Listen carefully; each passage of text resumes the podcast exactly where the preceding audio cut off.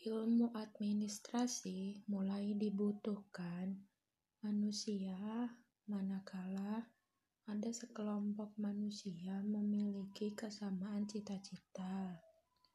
Administrasi berupa sistem kerja yang mengarahkan sumber daya manusia dan sumber daya yang berada di lingkungan hidup manusia untuk dieksploitasi guna mencapai suatu tujuan dengan tetap menjaga keseimbangan antara hasil yang dicapai dan strategi pelestarian atau mempertahankan sumber daya yang tersedia.